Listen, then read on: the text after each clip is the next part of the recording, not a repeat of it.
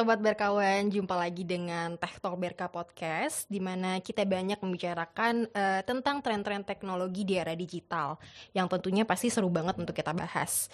Nah, ngomongin era digital, saat ini kita jadi lebih sering akses atau kita sadarin ya kalau ternyata kita lebih sering uh, menggunakan teknologi dan sering banget mengakses media sosial kita ketimbang harus bersosialisasi langsung dengan orang di sekitar kita. Nah, hal-hal yang seperti ini sebenarnya membuka peluang nih untuk banyak orang uh, lebih banyak membuat konten atau jadi demam konten jatuhnya gitu. Jadi kali ini kita akan bahas uh, penggunaan teknologi dan pembuatan konten yang dipandang dari bagaimana sih kalau misalkan pembuatan konten itu dipandang dari sudut uh, sisi psikologis gitu. Nah, oleh karena itu hari ini bersama saya Ica sebagai host dari Tech Talk Berka Podcast sudah hadir uh, narasumber uh, salah satu narasumber spesialis kita yaitu Kak Nidia um, Dwika Putri atau aku biasanya sering panggilnya Kak Cia ya gitu. Jadi mungkin Kak Cia bisa disapa dulu nih sobat berkawannya. Halo Sobat Berkawan, selamat sore. Semoga semuanya dalam keadaan yang sehat ya. Sore, Kak Cia juga sehat ya hari ini ya? Alhamdulillah sehat. Alhamdulillah. Ini Kacia salah satu um, spesialis yang sibuk banget nih akhir-akhir ini. Iya benar nggak sih kak? Pandemi gini juga makin banyak nggak sih kak orang-orang yang konsul nih ke kakak? Iya kalau dibilang pasien uh, psikolog, kalau uh, dilihat antara sebelum pandemi sama ketika pandemi sih sebenarnya meningkat ya. Jadi kalau uh, dibilang, aduh pandemi kok psikolog malah membawa baik lah ya amit-amit gitu ya. Maksudnya dalam artian karena emang terjadi peningkatan pasien sebenarnya mm. ini sebelum pandemi. Jadi lebih masalah kesehatan mental banyak yang lebih uh, lebih tinggi ya kesadarannya lebih tinggi juga. Mungkin karena berasa juga terlalu lama di rumah kali ya kak. Iya betul. Hmm, Oke, okay, kalau gitu langsung aja mungkin kali ya kak. Um, aku tadi udah ngebahas juga nih kan masalah mengenai uh, era digital gitu. Era digital terus banyak banget kan uh, apalagi pandemi kayak gini ya Kak. Orang tuh lebih sering di rumah ya kan. Terus uh, mereka tuh lebih sering menggunakan teknologi apalagi akses media sosialnya mereka. Nah, uh, tapi nih Kak gitu kan, kita ngomongin masalah demam konten gitu. Dari banyaknya orang akses media sosial dan butuh banyak informasi sampai akhirnya banyak orang-orang yang uh, berlomba-lomba nih kak untuk buat uh, apa ya konten di media sosialnya mereka untuk bisa ditonton oleh banyak orang juga gitu.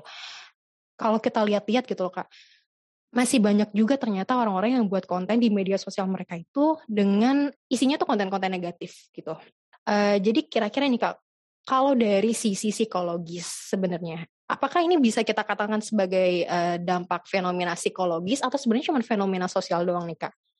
Kenapa banyak konten kreator sekarang yang menampilkan konten-konten negatif gitu di media sosialnya mereka?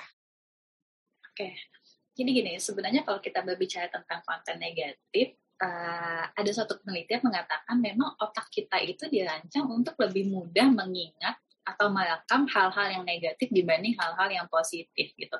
Jadi uh, di samping itu juga kenapa sih banyak sekali orang membuat konten-konten yang viral atau misalnya ya, maknanya negatif karena memang lebih banyak mendapatkan atensi dibanding konten-konten yang berbau edukasi khususnya di Indonesia sendiri. Bahkan memang ada penelitiannya bahwa ternyata di Indonesia itu sendiri untuk konten edukasi itu peminatnya masih sangat sedikit dibanding konten-konten yang berbau negatif atau menjadi viral viral.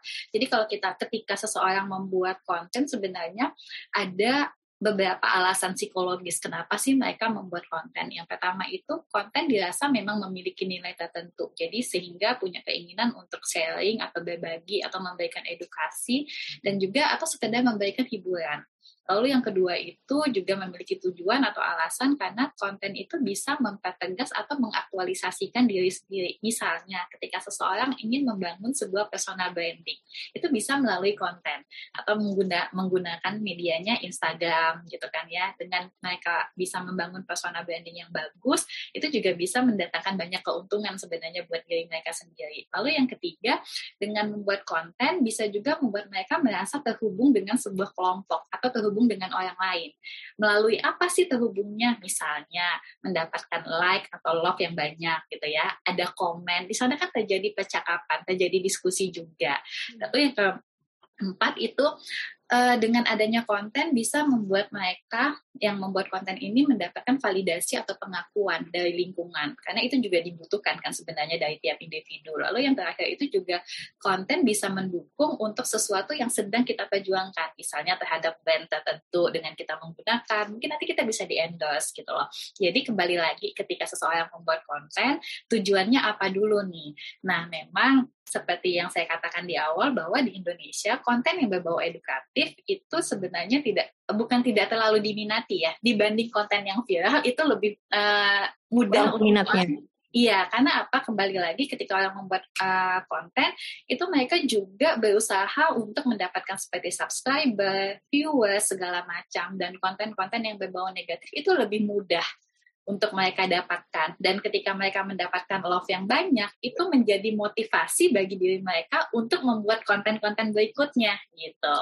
Jadi sebenarnya ini kalau digambarin itu nggak cuma fenomena sosial yang terjadi di lingkungan kita ya kak, tapi sebenarnya dari sisi psikologis kita juga mendorong untuk kita melakukan hal-hal tersebut gitu ya kak.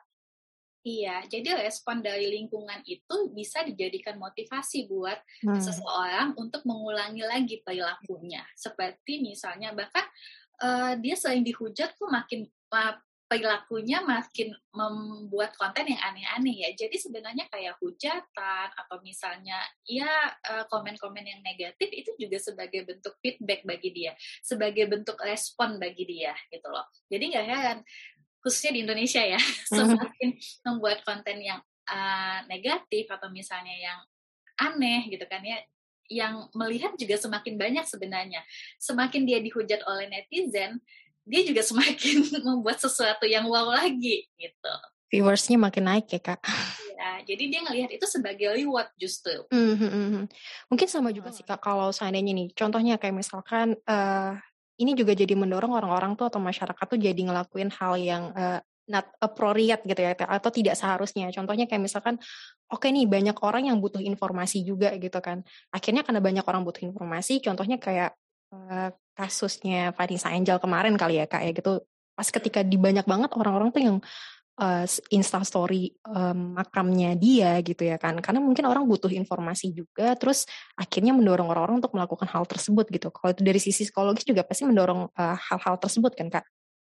Iya, uh, sederhananya gini, setiap orang itu butuh hiburan gitu ya. Dengan segala rutinitas, tingkat stres yang tinggi terhadap kerjaan uh, yang sedang dihadapi, segala macam tuntutan. Jadi kadang-kadang hal-hal seperti ini, konten-konten yang lucu atau misalnya konten-konten yang tidak sesuai, nggak lazim, itu bisa jadi sebuah hiburan juga buat para penikmatnya gitu loh. Jadi uh, kalau tadi Ica mengatakan kayak nggak kenal juga nih sama Vanessa Angel gitu ya tapi ketika lewat makamnya di storyin gitu karena memang itu yang lagi viral dan itu bisa menarik perhatian orang gitu loh uh, jadi uh, seperti misalnya ketika kita story kan kita bisa tahu ya siapa yang view nah semakin banyak yang view itu bisa menjadi motivasi seseorang untuk mengulangi lagi atau oh hmm. ternyata ketika posting hal yang berbau uh, seperti ini uh, peminatnya cukup banyak ya gitu. Jadi membuat mereka merasa terkoneksi atau terhubung dengan orang lain.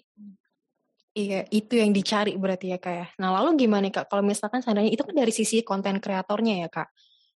Kalau dari sisi netizennya nih kak, viewersnya, kenapa kita juga lebih seneng gitu loh kak ngeliatin hal-hal yang berbau negatif, hal-hal kekerasan. Contohnya kayak mungkin beberapa minggu yang lalu kali ya kak, di tahun yang lalu itu di Desember aku aku nonton berita nih kak. Uh, di berita itu ada anak kecil yang contohin konten kreator atau video di Instagram, mereka tuh berhentiin truk mobil gitu loh kak. Padahal itu sebenarnya udah banyak kejadian korbannya gitu, tapi kenapa masih terus-terusan dilakukan gitu. Nah, ini dari sisi kita nih si netizennya sendiri atau si viewersnya ini juga apa sih kak yang mendorong kita untuk mencontoh hal-hal negatif itu?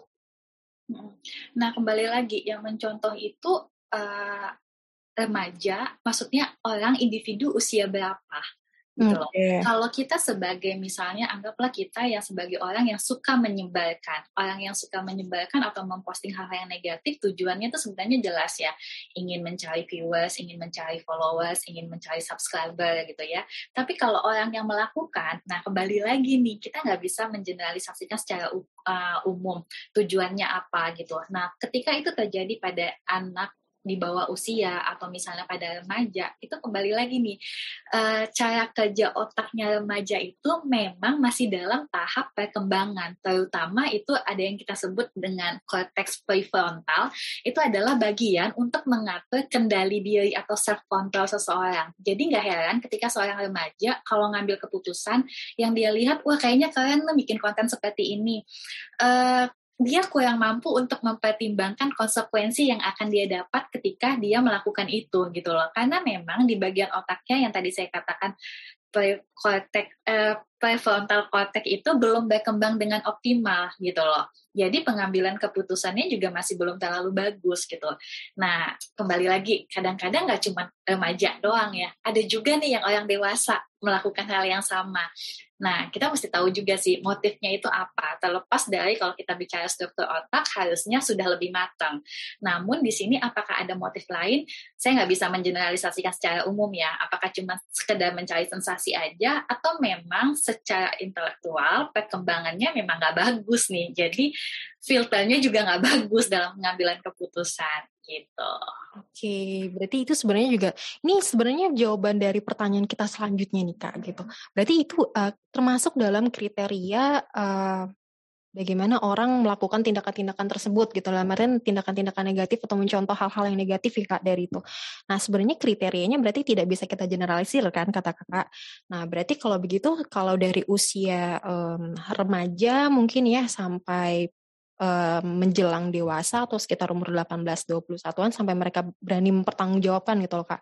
Tapi kan kenyataannya juga banyak nih Kak orang-orang dewasa yang mereka melakukan hal-hal yang ternyata uh, memberikan dampak buruk sebenarnya buat mereka sendiri gitu. Sebenarnya kriterianya itu akan berbeda-beda juga Kak atau gimana Kak?